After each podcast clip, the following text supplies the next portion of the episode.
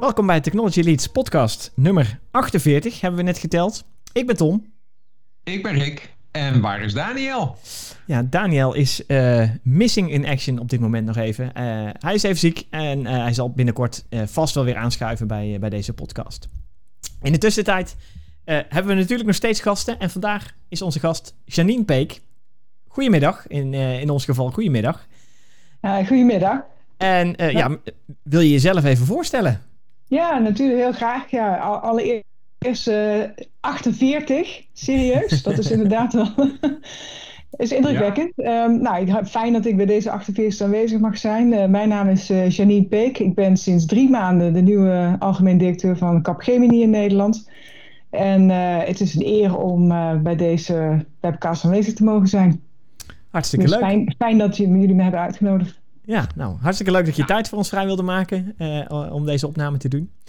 Uh, en zoals goed gebruik beginnen we altijd uh, de podcast met een paar tech-updates. ja, zal ik deze keer bij Rick beginnen? Dan gaan we eens even kijken wat hij mee heeft gebracht voor tech-nieuws-item. Nou, prima Tom. Ja, mijn, mijn tech-item is een beetje corona-gerelateerd. Ik zat op het nieuws te kijken en er blijken uh, de, de onderzoeksraad voor veiligheid, die heeft nu luchtvaartmaatschappijen adviezen gegeven. Want die luchtvaartmaatschappijen gaan langzamerhand hun, uh, ja, hun reguliere vluchten weer uh, opstarten. Hè. Die, die hebben een tijd lang allemaal vliegtuigen aan de grond gehad. ik woon zelf redelijk in de buurt van Schiphol, dus ik kom daar nog wel eens langs en dan zie je inderdaad gewoon uh, in het begin stonden er zelfs vliegtuigen op startbanen geparkeerd. Nou, tegenwoordig staan ze alleen nog op taxibanen geparkeerd. Maar op een gegeven moment moeten die de lucht weer in. En dan moet je dat ding weer uh, in bedrijf brengen. En er blijkt dus al een issue te zijn geweest met een vliegtuig van Transavia, geloof ik. Waar ze vergeten waren een plakkertje van de luchtinlaat van de hoogtemeter te halen. En zo'n hoogtemeter werkt op luchtdruk. Ja, als er een plakkertje op zit, dan verandert die luchtdruk niet. Dus Oh, die ja. piloten wisten niet hoe hoog ze vlogen. Ah. Gelukkig hebben ze tegenwoordig wel meer apparaten, hè, dus er is verder weinig aan de hand. Maar, maar de, ja, de onderzoeksraad voor de veiligheid wordt dan gelijk geïnformeerd dat er dus een veiligheidsincident was. En die komen nu dus met tips. En dan denk ik, ja, wat zal de tip Tips? zijn? Hè? Eh, trek het plakkertje eraf. Ja, Maar- ja. maar het, het, het zit natuurlijk dieper in dat ze, die luchtvaartmaatschappijen zijn natuurlijk eigenlijk helemaal niet gewend dat vliegtuigen zo lang stilstaan. Want eh, normaal is het de, de, de, de bedoeling om ze zoveel mogelijk in de lucht te houden. Ja. En, eh, dus Maar, dit is een hele nieuwe situatie. Dus, dus ja, stilstand is dus letterlijk achteruitgang in dit geval. Eh, aan de andere kant kan ik me voorstellen dat een stilstaand vliegtuig ook niet slijt. Dus, en, en vliegende vliegtuigen doorgaans wel. Dus ja, Ik denk dat bij mezelf, er heeft dus iemand bij stilgestaan toen dat apparaat werd neergezet Ah. om een plakkertje ja. over de inlaat van de... Ja, nou, dat, dat is Ja. weer voorschrift. Want anders dan kruipen daar, eh, weet ik veel, in. insecten in of Oh, zo. ja, ja. Krijg je een En dan nest of werkt zo. het helemaal ja. niet meer. Ja, grappig. Ja, ja. Maar, maar iemand is op de checklist waarschijnlijk vergeten om dat ene plakkertje weg te halen. Dus, dus ja, Ja, oké, weg te halen is één ding, maar je, zou, je moet dus eigenlijk weten of die checklist wel volledig is. Of erop staat, eh, aan de ene kant staat dus plak Ja. een plakkertje erop als dat ding stilstaat. Dat is een checklist Ja. waarschijnlijk. En de andere kant moet, ja, moet eigenlijk de, precies de, de negatieve versie van die, van die checklist zijn, hè? de, de anti-versie. Eigenlijk kan dat toch niet misgaan, zou je verwachten. ja, Ja, dat dat zou zeker. je. Ja, en wat eigenlijk wel grappig is, dat tegenwoordig, eh, dus vroeger was natuurlijk alles in grote handboeken. Hè? Dus als je zo'n, zo'n, zo'n, voordat zo'n vlucht de lucht in ging, dan pakten mensen er een groot handboek bij en dan vinkten ze alles fysiek die zaken af. Oh ja, tegenwoordig ja. heb je natuurlijk, is dat bijna allemaal geautomatiseerd. Ja, dus, eh, dus je zou verwachten dat het heel eenvoudig is om niet te vergeten dat er een plakkertje over de uitlaat eh, zit. Hè? Dus dat je gewoon als monteur, als je er langs loopt, dat er, dat er een bling Ja, komt ja, op je ja. scherm. Exact. Ja, je moet Maar ja, hier even een plakkertje van Nou ja, ja. dat, dat, we, we hebben het in een eerdere podcast wel eens gehad over augmented reality Oh, bij Airbus in Toulouse. Ja, Hè, want daar, daar, eh, Society doet daar ook een hele hoop voor eh, Airbus. Maar die waren dus bezig met augmented reality, waarbij bij de monteur in zijn bril wordt geprojecteerd wat hij doen moet. ja, En dat ja. zou in dit geval inderdaad ook een mooie Ja. optie zijn. Ja. Een knipperend Nou, pijltje. dat, dat, ik, dat heb, ik heb het wel eens gezien, dat bestaat inderdaad. Dat is inderdaad wel heel mooi. Voor, eh, ja, leuk. Ja, hè? ja, Ja. Ja, Ja, mooi, mooi technieuws. Ja, precies, precies. Ja. Ja. Zeker, zeker. Uh, Janine, heb jij toevallig een uh, tech nieuws item wat jou opgevallen is recentelijk, afgelopen weken, wat je met ons zou willen delen? Ja, volgens mij technieuws wat, wat het meeste opgevallen. Ik, ik zat vandaag weer voor het eerst een hele lange tijd in de auto. En mm zodra je. En dus, dat is ook eigenlijk het enige moment waarop ik naar de radio luister. Oh, ja. En ik weet niet of jullie in de auto hebben gezeten, maar het ging vandaag natuurlijk voornamelijk over de diefstal bij ASML. Van, uh, van um, uh, zeg maar IP. Oh ja. Dat ja, heb dat ik is, gemist. Dat is, Zo, dat heb ik ja, ook gemist. Is, nou, dat is eigenlijk een paar jaar geleden al gebeurd. En wat, er, wat, er, wat er gebeurd is, dat, is dat een, een eigen medewerker uh, die stal, of, uh, IP gestolen heeft en vervolgens met het IP naar China gevlogen is en daar een eigen bedrijf begonnen is uh, met, met de kennis en, en ervaring van, van ASML. Ja. En dan ga, het, het, hele, je moet zo, als je straks in de auto zit of niet, vast ook vanavond op tv. en toen moest ik denken aan een, um, een verhaal wat ik, uh, wat ik las een, een, paar jaar geleden. En dat ging over, over bedrijfsspionage. En, en um, de, het onderzoek daaruit bleek dat ongeveer bij 40% van de bedrijven die, die zeg maar uh, kennisintensieve bedrijven, bij 40% van die bedrijven vindt ook daadwerkelijk bedrijfsspionage vaak. En heel vaak is dat door eigen medewerkers. Oh, Ja, ja. En uh, ik dacht toen bij mezelf, ja, maar waarom zouden mensen dat doen? En toen, de, toen kreeg ik de, de, de, briljante antwoord daarop was van de meneer die dat had geschreven. De reden waarom mensen bedrijfsspionage doen, is omdat het goedkoper is om het te stelen dan om het zelf te ontwikkelen. En toen dacht ik, ja, dat is natuurlijk een, een oh. fantastische business case. Ja. Om, uh, om dat te gaan doen. Dus, uh, dus vandaag toen de ASML uh, de hele dag in het nieuws was, dachten van, oh, dat is toch wel een, een belangrijke onderwerp waar wij ook, denk ik, met z'n allen, zeker als je in de ICT zit, ook wel, heel alert op zouden moeten zijn.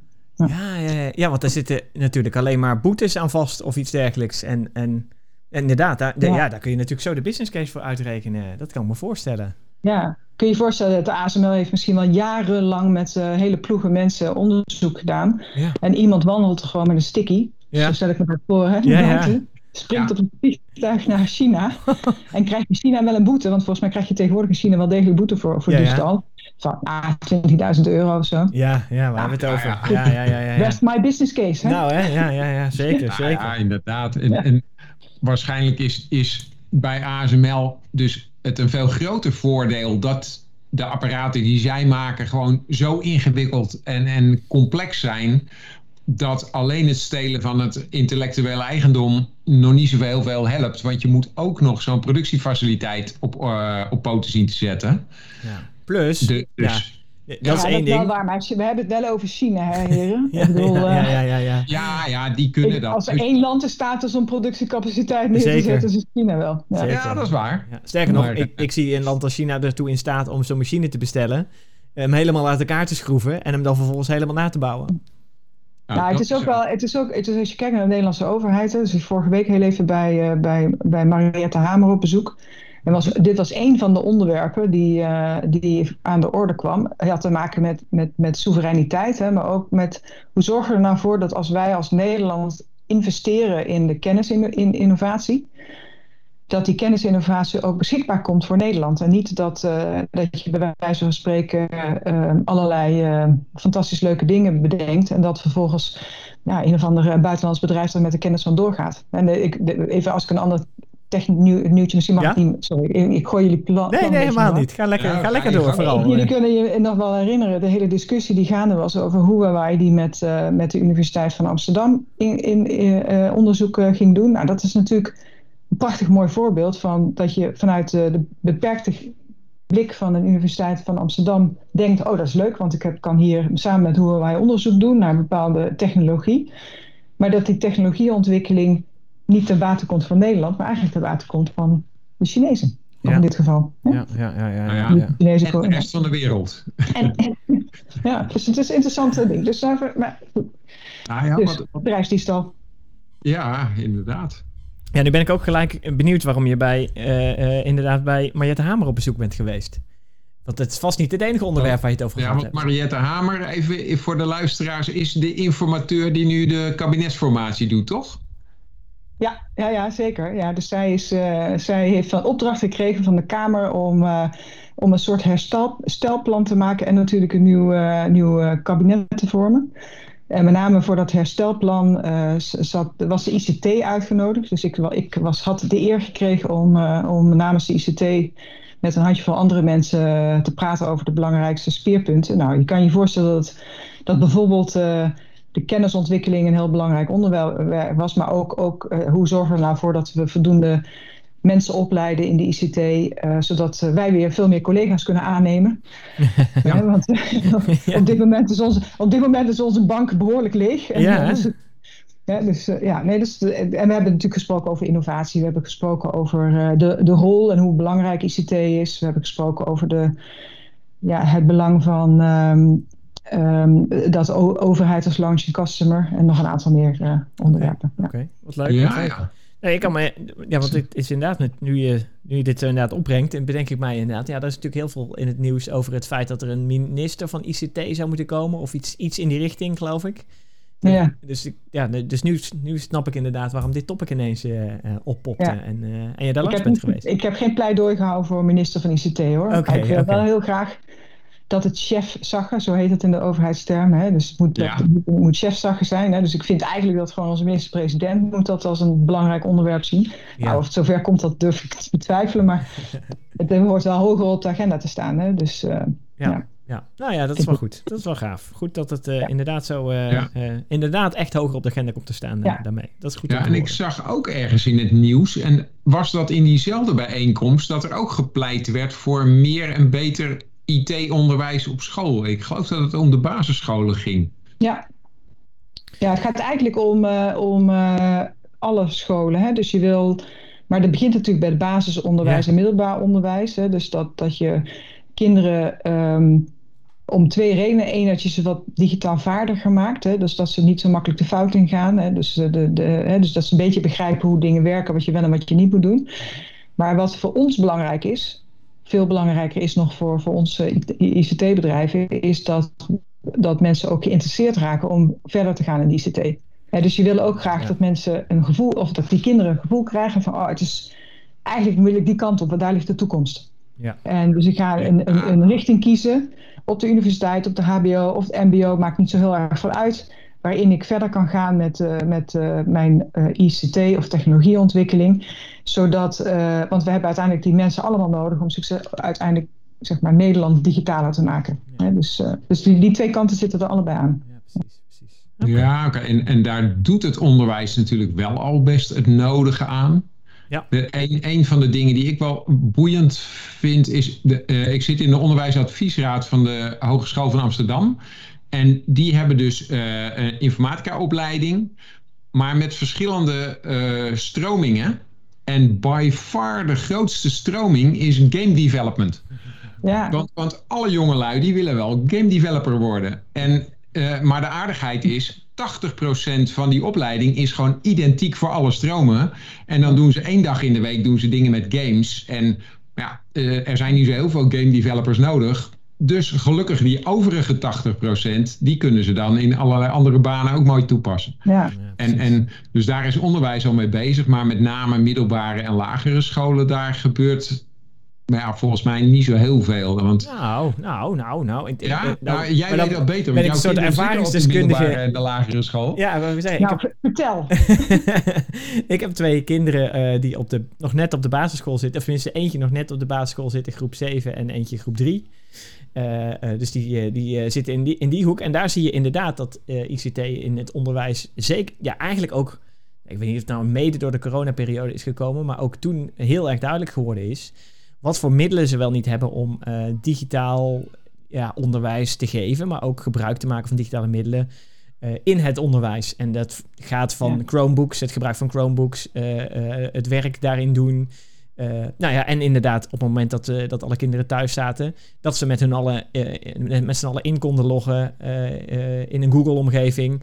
En op die manier eigenlijk, nou, ik zal niet zeggen dat het naadloos ging, het lesgeven online versus offline. Maar nou ja, ik, ik was best wel onder de indruk over hoe dat, dat allemaal mogelijk ja. was. En, en ja, ik, ik, was ook al over indruk hoe snel het eigenlijk ging. Hè? Dus, ja. Want ik weet wel, ik heb, we hebben een jaar of acht geleden eens een keer uh, meegepraat met de onderwijscommissie over hoe moet zo'n curriculum er dan uitzien. En het waren oeverloze discussies over, nou, over ja, maar de, de, arme leraren die kunnen niet mee en ingewikkeld. Oh, ja. En schets mij verbazing, er komt de coronacrisis aan en we kunnen het gewoon, hè? Precies, precies. Uh, dus, dus, in dat opzicht. Maar ik, ik denk wel dat, uh, um, of ik, wel ik zo van, voor mij is het één belangrijk dat, dat mensen beter um, in staat zijn om te begrijpen wat kan wel en wat wel niet. Je wil natuurlijk, als het gaat om digitalisering, dat iedereen mee kan doen. Hè? En niet dat een aantal mensen die nog nooit een computer hebben aangeraakt, geen idee hebben en andere mensen wel. Dus je wil dat iedereen mee kan doen. Maar wat voor ons nog veel, voor mij in ieder geval veel belangrijker is nog, dat mensen het leuk vinden om ook het ICT-vak in te gaan. En we hebben toch nog een klein beetje nerdy imago, kan het niet helpen. Ja, wij zijn natuurlijk alle drie. dus, wij, dus in dat ja. opzicht. Ja vind ik, vind ik dat, ik snap nooit dat mensen dat vervelend vinden. Maar ik heb bijvoorbeeld zelf twee dochters. En, uh, en die, die, die, die, die, mijn man en ik zijn allebei IT'er. En die zitten me dan aan te kijken. En zeggen, nou, ik ga echt ICT niet in. Dat is natuurlijk super suf. En dan denk ik, ho hoezo? Ja, hoezo maar, super maar, suf? Het is het mooiste vak wat er is. Want je, je, ben, je maakt echt het verschil. En uh, je, je, wij zorgen ervoor dat die energietransitie door kan gaan. Wij zorgen er ook voor dat, dat de gezondheidszorg uh, beter betaalbaar wordt. En we, we, komen bij hartstikke leuke klanten binnen en die helpen we echt vooruit. Nou, hoe leuk is dat? Precies. Nou ja. precies. Ja, nou, maar het, het boeiende is dat dan hè, jouw dochters zeggen nu ik ga de ICT niet in. Nou, dat dacht ik van mijn kinderen ook. Hè. Dus uh, mijn dochter heeft aardwetenschappen gestudeerd en toen was ze klaar. En toen moest ze een baan hebben en toen heeft ze gesolliciteerd, onder andere bij Society, uh, als uh, data scientist. Ja, precies. En, uh, en toen dacht ik, hè, data scientist? Dus, ja, pap, ik ben op de universiteit jarenlang, heb ik allemaal databestanden dingen gedaan. Ja. En dat aardwetenschappen, daar is niet heel veel in te verdienen. En data science wel. nou, en en uh, opeens uh, werkt ze dan ook bij een IT-bedrijf. Ja. ja, precies. Ja. je kan via dus, allerlei ja. aanvliegroutes daar ah, dus, dus er is ook nog hoop voor mijn dochters, begrijp Nou ja, precies. Want, want zij zullen ongetwijfeld de hele dag dingen met computers doen. En, en IT is tegenwoordig veel breder dan het. En ja, dan uh, eh, IT-opa spreekt. Hè. Ik zit al 40 jaar in de IT. Toen ik begon, was IT. De meeste mensen wisten niet eens wat een computer was. Dus dat was heel anders. En, en nu, ja, dat, het is een no-brainer, dat heb je gewoon. En, misschien, moet, misschien uh, moet je nog even de ponskaarten benoemen van weleer. Ja. Dat is een soort running gag dat, dat Rick die altijd wel een keer boven water haalt. Ja, ik ben bang dat ik bijna in diezelfde categorie zit als Rick hoor. Want ik, ben, ik ging studeren op de universiteit. Ik ben bedrijfskundige en informatica gaan doen. Mm -hmm. En ik had nog nooit een computer aangeraakt. Oh, ja. En dan kunnen mensen, als ik dat tegen mijn meiden vertel, kunnen ze zich dat niet meer voorstellen. Dus uh, ik weet wel dat de allereerste keer dat ik uh, computerles had, dat ik achter zo'n zo'n heel klein schermpje, dik, heel klein dik schermpje ging zitten met van die groene lettertjes erop. Ja, ja. En uh, dat was mijn eerste kennismaking met de computer. Ja. En dan denk je allemaal bij, hoe oud is ze dan? nou, ik zou zeggen, zoek dat maar op. heel goed, heel goed. Dat ga ik natuurlijk niet zeggen in een nee, podcast. Zeker, maar, zeker. Uh, ja, nee, maar dat is, uh, dat is, dat is wel waar. Dat, tegenwoordig is het natuurlijk veel meer common goed geworden, hè, vergeleken met vroeger. Ja. Absoluut, absoluut. En ja, je, je komt al snel... Hm. Kijk, wij, wij zitten in de ICT, in de IT. Uh, en we brengen hele mooie oplossingen naar gebruikers toe. Ja, en je hebt natuurlijk wel uiteindelijk gebruikers nodig om gebruik te maken van al die mooie oplossingen uh, uiteindelijk. Dus ja, ja. Het, het mes snijdt aan twee kanten inderdaad. Ja. Uh, even kijken, ja, we waren met, met tech ja. uh, nieuws-items bezig en uh, we dwalen, nou, we, we, dwalen niet eens af. Ik denk dat we heel mooi in de, in de tech rond, rondzwemmen. Maar, maar ik ben ook wel benieuwd wat jouw tech-item is. Ja, precies, precies. Nou, ik heb ja, ja, hoe zou ik het zeggen? Een uh, tech-item dat uh, geïnspireerd is op de biologie. Uh, en dat heeft een hele mooie term. En in het verleden, volgens mij hebben we het in de podcast nog nooit over gehad. maar de term heet biomimicry. en ja, dat okay. wil zoveel Daar zeggen. Daar heb ik wel eens van gehoord, ja. Precies, nou dat wil zoveel zeggen is dat, dat je uit de biologie, uit de natuur, processen of mechanismes haalt en die vertaalt naar eigenlijk naar een ICT-oplossing. of te kijken hoe dat je die in de IT-wereld kunt gebruiken. Uh, en in dit geval uh, had uh, TNO heel mooi onderzoek gedaan naar bio-geïnspireerde cybersecurity. En ze hebben een soort digitaal immuunsysteem gemaakt. En dat is natuurlijk wel weer een hele mooie link met corona en immuunsystemen en vaccinaties en et cetera. Nou, hoe, hoe werkt dit dan? Ja, precies. Waar gebruik je dat dan voor? Ja, waar gebruik je dat dan voor? Nou, ja. de toepassing zit hem in cybersecurity. en het komt vanuit de wetenschap van celbiologie. Nou, dus wij als mens zijn opgebouwd uit ontzettend veel cellen. En elke cel, elke cel aan zich ja, die kan doodgaan en die heeft een bepaalde levensduur. maar dan zal je hele lijf zal waarschijnlijk niks merken als één celletje zal afsterven en er weer een nieuwe zal komen. Dus een interessant mechanisme. Dus per cel uniek dus ja, maakt het niet zo heel veel uit wat daarmee gebeurt.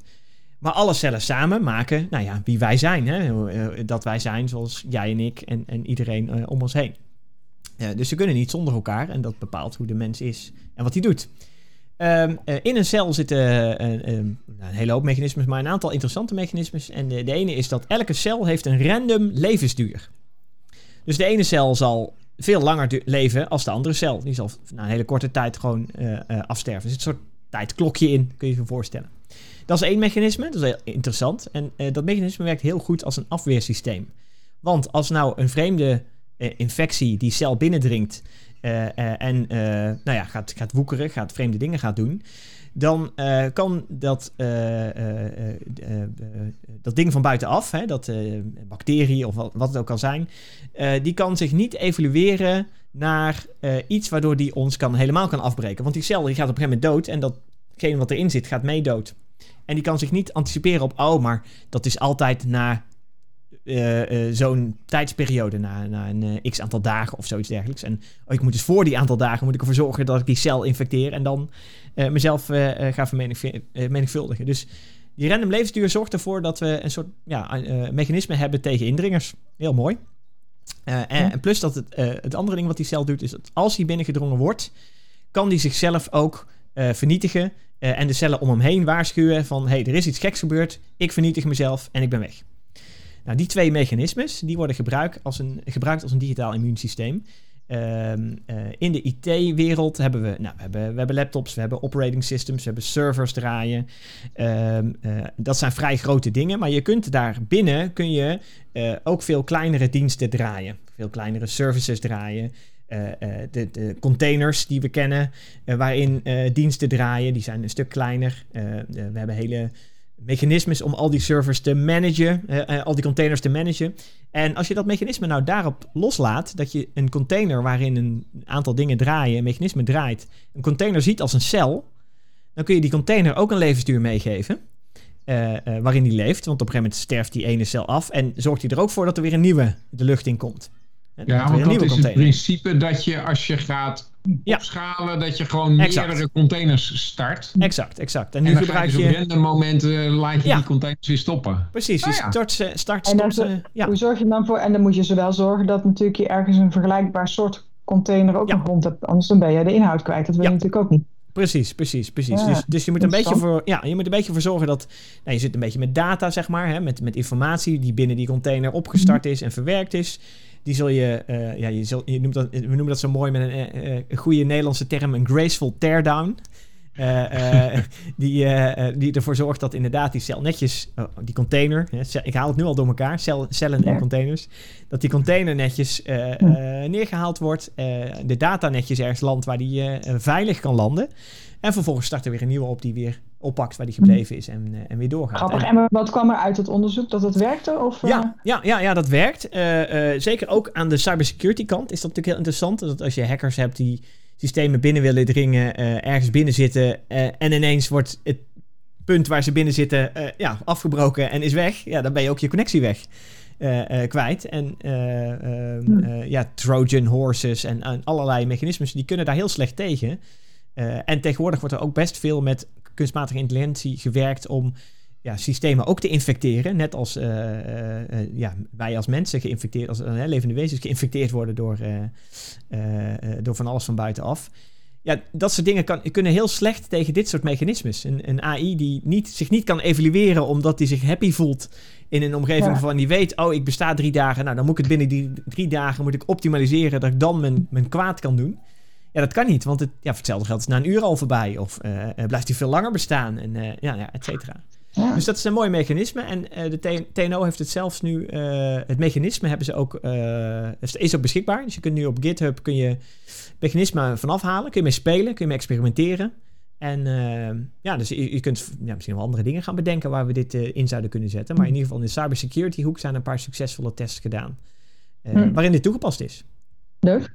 Ja. Oh, wat een interessante ontwikkeling. Ja, ik kan me daar wel iets bij voorstellen dat dat inderdaad de enige vraag die ik dan heb, zouden die AI niet op een gegeven moment zo slim worden dat ze daar dan weer een antwoord op gaan vinden? Want dat denk ik dan. Hè? Dus, ja, uh, uiteraard. Ja, Kijk maar naar onze ja. corona, weet je, dit griepvirus hadden we redelijk onder controle. En dan komt er weer een corona voorbij. Hè? Dus mm -hmm, ja, mm -hmm. misschien. Um... Ja, ongetwijfeld zal er een mutant eh, wederom een mutant ja, bedacht worden of, of uh, evalueren met, door middel van AI. Ja, die misschien ook hier wel weer een weg omheen vindt. Uh, ja. Uh, ja, ja, en zo is, blijft het een continu, battle. Hè? Security blijft altijd een wedloop ja. tussen ja. de, de bestrijders en, en de, de hackers, zeg maar. Klopt, ja. Ja, de, de, wat is het? De, de white hat hackers en de black hat hackers, hè? Dat is een beetje de... Ja, precies. Ja, we hebben natuurlijk straks in, in zeg maar de nieuwsitem hiervoor over ASML natuurlijk al over gehad. Dat, dat, uh, ja, dus in, in, dat het over het algemeen toch ook wel heel vaak van de medewerkers afkomt. Hè? Dus mensen gewoon ja be bewust of onbewust uh, data lekken. Ja. ja. En, uh, of zeg maar gewoon hele simpele dingen phishing mails openen. dus af en toe dan ben ik ook weer ver verbaasd over wat. dus ik, ik, als ik even kijk naar, naar zeg maar mijn, bijvoorbeeld mijn ouders. Mm -hmm. die durven tegenwoordig geen enkel mailtje meer open te maken, want dat oh, werden ja. ze zo gedrild. ja. maar ja, maar dat, zijn, dat is natuurlijk, en dat zie je natuurlijk in bedrijven ook, hè, worden natuurlijk ook steeds uh, creatiever in, uh, in het doorsturen. En de, toen ik net bij, uh, bij CAP gestart was, is er ook bijvoorbeeld um, zijn er ook e-mails uitgestuurd met mijn naam eronder naar mensen met het verzoek om geld over te maken. Zo, oh, ja. Dus, ja, ja. Social engineering, hè? Ze zijn dat gewoon slim geweest om na te denken van, uh, van uh, de, de, nieuwe medewerkers die denken misschien, oh, de, de, de. ja. Nou, ik moet wel zeggen, gelukkig is er nie, niemand ingetrapt, tenminste niet dat ik weet, maar mm -hmm. dat is natuurlijk, ja, dat gebeurt natuurlijk ook. Ja, ja. ja, dat, ja. ja inderdaad. Dat, dat, er was toch pas in het nieuws ook een, een echt een groot bedrijf die echt miljoenen ja, hebben overgemaakt. Ja, Pathé Cinema's een jaar of twee terug. Ja, precies, precies. Toen had iemand vanuit Frankrijk wat gestuurd. En, en de Franse, kijk, de Nederlandse cultuur. In de Nederlandse cultuur zijn wij nog wel zo dat we denken.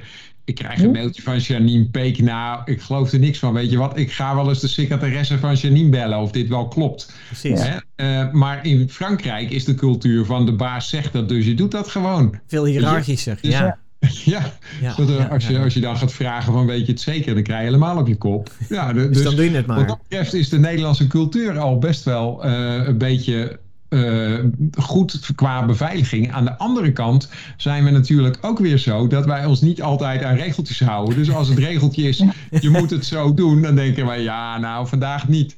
En ja, dan was dat net zo'n security regeltje. Dus ja. het, is, het, het, blijft lastig. Uh. Ja, het blijft lastig. Ja. En, en, en ja, dat. Nou ja, we, we hebben, wanneer was dat? Een paar podcasts geleden hadden we een uh, uh, collega die red teaming doet. Exact. Dus die daadwerkelijk social uh, engineering doet op verzoek van klanten. En dan ja. dus gewoon probeert zo'n bedrijf binnen te komen. Ja. En ja. het ook altijd lukt, zegt hij heel trots. Ja, ja, ja. Oh ja? Ja, ja, ja. Maar, ja dat, dat, ja, dat is dan echt dan de ander. En dat is dan echt een doel om uh, uh, nou, fysiek in de boardroom bijvoorbeeld te, te komen te staan. En dan uh, ja, een telefoontje maken. Ja, een selfietje te maken. Nou, en, ja, en de boardroom klinkt heel leuk, maar veel. Erger is de serverruimte. Ja, ja, ja. ja. He, dat, dat, we hebben zo'n collega die dat ook heel mooi kan vertellen. Dan gaat hij gewoon, doet hij een overal aan, neemt hij een grote gereedschapkist mee en dan loopt hij gewoon een gebouw binnen. Ja. Zegt hij bij de receptie, de serverruimte zit op de tweede verdieping toch? En dan zegt die verbouwereerde receptioniste van, uh, nee, nee, op de derde. Ja. Oké, okay, bedankt. En dan gewoon doorlopen, weet je? Dan... Ja, ja, ja. ja, ja, ja. Nou ja, ik merk wel, ik, toevallig, uh, ik ben uh, nu met een, met een nieuw team recentelijk gestart om ze te coachen bij een opdracht waarin we internetmodems en dat soort zaken testen of gaan testen. En in die omgeving, ja, er zijn dus ook heel veel serverruimtes, omdat ook delen beheerd worden van het hele landelijk netwerk, et cetera, et cetera. Nou, ik, ik, moet zeggen dat, dat ik best onder de indruk ben van de bewaking bij dat soort panden. daar hebben we dan een, een, ruimte waarin we echt fysieke testen ook moeten gaan doen. Uh, natuurlijk zijn we daar, is het team dan net begonnen en heb je dus nog geen pasjes en heb je nog geen, et cetera, et cetera. Nou, je komt er gewoon niet in zolang je niet opgehaald wordt. En je kunt vijf keer langskomen, hè, vijf dagen op rij, tien dagen op rij, de derde week ook weer aankomen. Die, die bewakers, die kennen je. Sterker nog, je moet gaan staan wachten tot iemand je op komt halen. Die gaat koffie voor je halen. We hebben een leuk praatje. Dus ik ken die mensen gewoon hartstikke goed. Zij weten wie ik ben. Maar ook na die derde week, ook de, de, de, de twintigste dag. Eh, nee, je komt er gewoon niet in. Het is echt niet zo dat ze dan zeggen van... Oh ja, tuurlijk, je bent hier al drie weken bezig, weet je. Je kent de weg, loop lekker naar binnen. Ik doe de deur voor je open. Nou, ze, ze, ze doen het gewoon niet. Nou, dat, dat vind ik heel netjes. Dat gaat heel goed daar. Nee, dus je denkt wel, als je kijkt, hele grote datacenters zijn natuurlijk relatief goed beveiligd. Hè? Nou, ze zijn op twee manieren eigenlijk. Hè? Ze zijn beveiligd doordat je er niet zomaar in kan. Hè? Dus je moet altijd een afspraak hebben, opgehaald worden, wordt gecheckt. Uh, en allerlei andere zaken erbij. Maar wat je ook wel ziet in, die, in, die, in, in, de, in de opslag en het gebruik van die datacenters, is dat je, je kan er wel ergens een server uittrekken, maar dan gebeurt er helemaal niks. Ja. ja, dus, ja. Dus het blijft gewoon doordraaien. Hè? Want het is zo ingericht dat, uh, dat, dat, dat, je in, uh, dat je in staat bent, als je bijvoorbeeld kijkt, de monteurs die daar rondlopen en die, die, die, die zoeken, gaan op zoek naar klipperende lichtjes die aangeven dat er ergens iets niet oké is. En dan wordt dat ding niet uitgezet, die wordt gewoon uitgehaald, dan wordt er een nieuwe ingeschoven en dan gaat alles door. Ja. Ja. dus eh, je hadden het straks over, over eh, containers. Ja, ik wou het zeggen. Ja, ja, dit en is, dat uh... werkt natuurlijk in de fysieke, fysieke serverwereld werkt dat net zo. Die zijn op een dusdanige manier aan elkaar gekoppeld dat je eigenlijk... Uh, ja, je moet van hele goede huizen komen, wil je dat... Ja, je kan er een bom op gooien. Ja, ja, ja. ja, ja. Nou, ja maar goed, weet je, dat is wel, gaat wel heel ver van vliegtuig op ja, vallen. Ja, ja, ja, en, en zelfs dan heb je nog... voorbij de security, hè? Je hoeft niet voorbij de bewaker. nee, dat nee.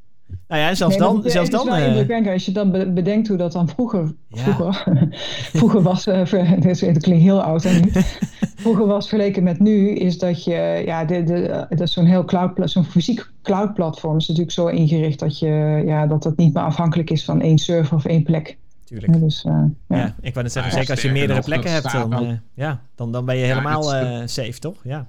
Ja. ja, en het staat ook gewoon uh, uh, geografisch verspreid op meerdere plekken met, met wat uh, glasvezelverbindingen ertussen. Ja, ja. exact. Dus ik, ik heb ooit nog eens zo'n training gedaan over dit soort veiligheidsaspecten. En aan het eind van die training besefte ik dat heel Nederland veel te klein is om dit echt veilig in te richten. Want toen ging het over dat je moet nooit twee datacenters in de fallout-zone van dezelfde kerncentrale zetten. Nou, heel Nederland valt in de fallout-zone van weet ik hoeveel kerncentrales. Dus dat, dat gaat in Nederland al niet werken. Dat was ook een Amerikaanse training, hè, waar ze dan het idee oh hebben van dan zet je één server in Houston en de ander dan in Chicago of zo, weet je. Maar, Nee, dat gaat hier niet op, hè? Nee, nee. Ja, grappig. Ja, en toch, toch steeds heeft, uh, wat is het, Google uh, in de Eemshaven een heel groot datacenter gebouwd. Ja, maar die hebben ook wel datacenters op hele andere plekken. Ja, dat is waar. Dat is waar. Ja, maar, ja. ja, ja, maar ja, wat, wat, dat interesseert me wel, uh, Janine, want jij weet hier vast een hoop van af. Want jij komt nu vanuit een, een zeg maar, hardwareleverancier bij een, uh, een ja, toch meer een dienstverlener. Wat, hoe zie je dat? De, wat, is het verschil? Wat merk je op? Ja, ik kom, ik kom niet echt. Ja, ik kom wel. Iedereen zegt dat Dell is een hardwareleverancier. Ja, dat is waar. Er wordt heel veel hardware gemaakt bij Dell. Maar de, de, wat mensen wel eens vergeten is dat ongeveer de helft van dat wat wij leveren is gewoon software. Dus uh, ja? ja. kijk, je kan. Ja, je, dus je kunt natuurlijk. Kijk, software moet ergens op draaien. En, en, uh, want uh, anders dan kun je er niks mee. Hè? Dus je kan het. Ja, dus het staat op hardware. En, ja. Dus, we, we dus Dell is vooral natuurlijk een infrastructuurleverancier, dus een cloud-infrastructuur, maar ook, compu ook, ook computers. Mm -hmm. maar computer draait natuurlijk ook niet zonder software. Ja, ja. dus, um, dus ja, wat is het verschil? Het verschil, um, ja, wat, wat ik wel leuk, wat, in principe is het allebei IT. Hè? Dus de type mensen die bij, bij het ja. bedrijf werken, die zijn, de, die zijn heel erg vergelijkbaar. Het zijn allemaal mensen met een passie voor, voor, voor techniek en een passie voor voor ICT. Uh, uh, het, het, grootste verschil zit er natuurlijk dat je bij, bij Dell wat meer fysiek werk hebt in de zin dat je, een, dat je bijvoorbeeld servers in een, in een, in een hele groot datacenter uh, zet en programmeert. En dat je, dat je bij, bij, bij Society en bij CAP dat je misschien wat meer de, aan, de, aan de voorkant applicaties maakt en bouwt. Dus dat, dat is, dus dat is in, de, in, de, in essentie anders. Mm -hmm. Wat ik heel erg leuk vind aan, uh, aan, uh, aan, aan CAP en aan Society is dat je toch nog veel meer in het hart zit wat, wat er bij de klant gebeurt.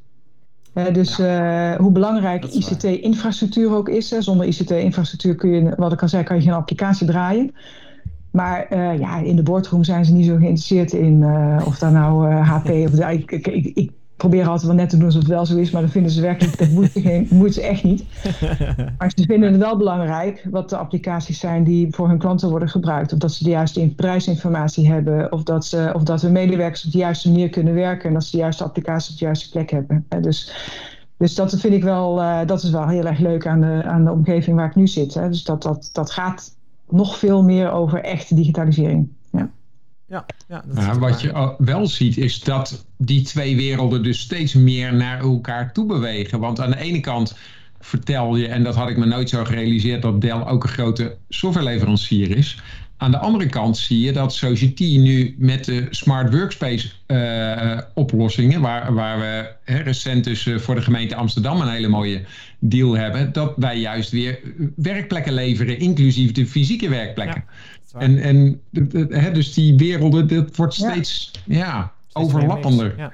Ja, dat is ook belangrijk, hè? want je krijgt veel meer. Eh, dus als ik even over de werkplek kan praten. Dus er zitten een paar hele. Eh, je hebt natuurlijk uiteindelijk het, het device, dat, dat, het apparaat. Precies. Maar het gaat natuurlijk niet om het apparaat. Het gaat erom wat je ermee kan doen. Hè? Dus, en, en dat het goed beveiligd is. En dat het makkelijk uitwisselbaar is. En als het gestolen wordt, dat de data niet weg is. Dat, je het, dat de, de dienstverlening en de support eromheen. Dat je of, je nou, of ik nou hier zit te werken of ik zit op een ander apparaat of op mijn mobiele telefoon, dat ik daarbij kan waar ik bij moet zijn om goed te kunnen werken. En dat is, dat is natuurlijk veel meer dienstverlening en, en, en cloud.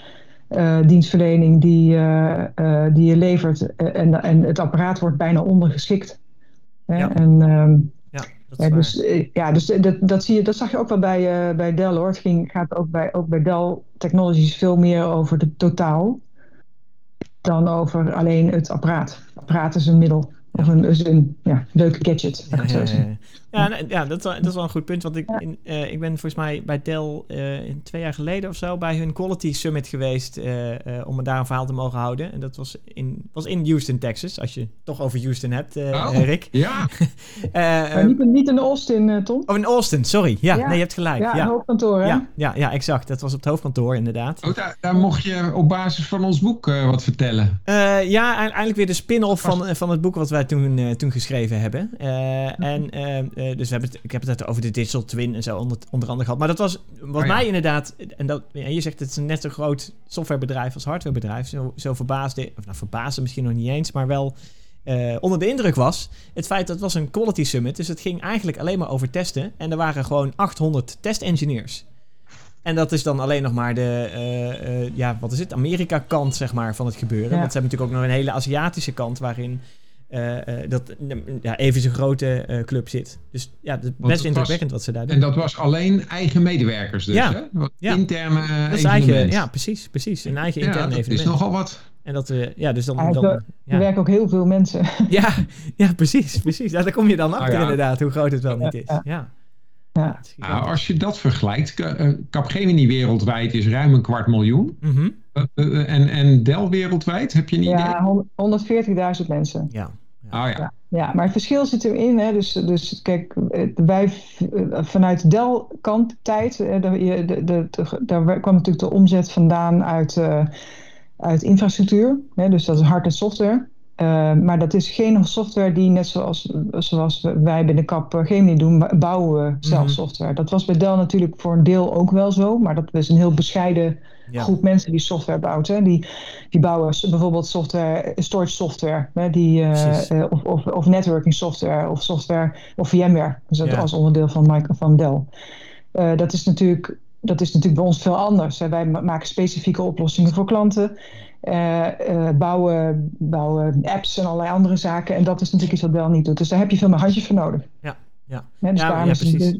Ja. Het leuke is, je, je ziet inderdaad, je krijgt zeg maar bouwblokken, of dat nou inderdaad van een Dell is of van een Nvidia, als je het gaat over videobewerking, of van, nou, je kunt heel veel van dat soort hardware leveranciers bedenken die leveren ondertussen natuurlijk ook software bouwblokken mee. En wij maken met die bouwblokken. En daar heb je natuurlijk, ja, daar maken we geheel van. En daar heb je natuurlijk een, een soort van oneindig aantal combinaties van die bouwblokken. Ja, waardoor, ja. waardoor die, dat enige heel bouwen natuurlijk een uh, één grote puzzel is uh, waar wij ons Maar daarom is, het ook, daarom is het ook leuk om te partneren. Hè? Dus uh, de, je zegt ook altijd, van, dat is, weet je wat leuk is van, van het huidige ICT-ecosysteem, is dat je niks meer alleen kan. Ja. Hè, dus, want je hebt eigenlijk elkaar nodig om succesvol te zijn. Hè? Dus, je, dus partneren en samenwerken. En dat kan zelfs af en toe zijn met bedrijven waarvan je denkt, nou misschien is het ook wel een beetje een concurrent van me. Mm -hmm. Uh, maar voor, voor klanten gaat het uiteindelijk gewoon om de eindoplossing. En, en, die, en die vinden het ook heel prettig. Het is, het is prettig als je, kan als je kan samenwerken met klein en groot. Ja.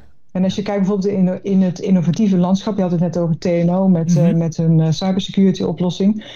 Dat is natuurlijk heel innovatief. Om zoiets nou groot te maken, heb je, heb je of je zou, je zou dat verder willen ontwikkelen tot iets als een product, heb je, dat, ja, dat, dat gaat TNO niet kunnen in een gebied.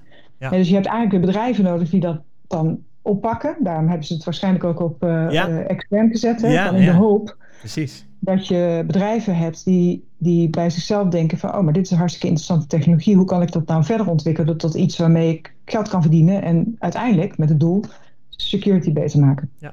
ja. precies, precies. Ja, ja, ja mooi. dus mooi. interessant. Ja, mooie leuk. keten van activiteiten inderdaad. Nou, dat, is, dat is leuk om te zien, want we zijn uh, uh, dan pak ik nog heel even terug op het boek wat we geschreven hebben destijds. Want hetzelfde mechanisme hebben we gezien, uh, Rick, bij... oh ja. ja.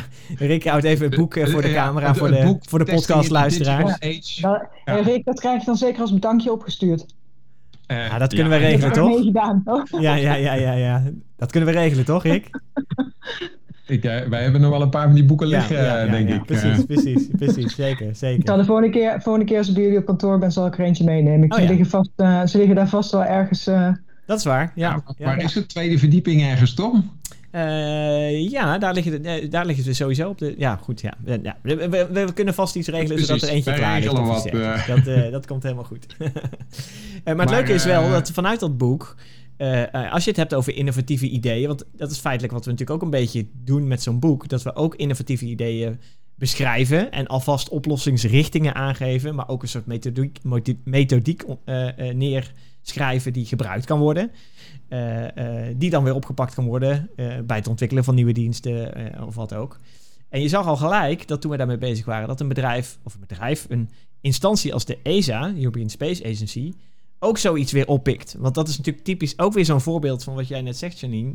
Een, uh, uh, een organisatie die, ja, tech, die, zij maken het zelf niet. Hè? Zij maken zelf niet de, de, de spullen die de ruimte ingaan of de uh, satellieten die rond onze aarde draaien. Nee, ze hebben wel de ideeën en de middelen om dingen te initiëren.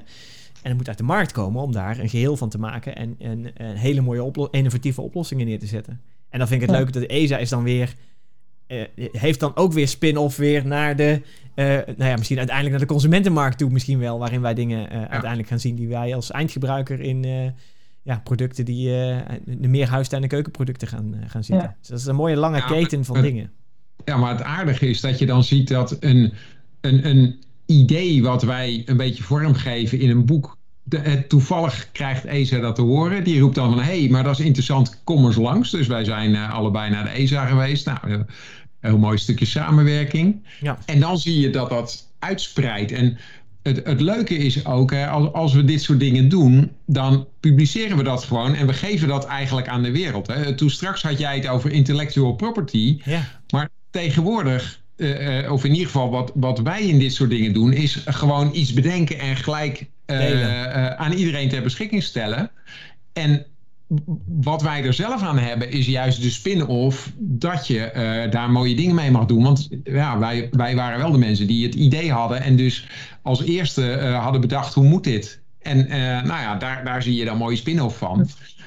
Ja. Maar, maar ja, ik geloof heilig dat dat beter is dan eerst een patent opvragen en, en helemaal geheim houden en zo. En tegen de tijd dat je het patent hebt is het al achterhaald.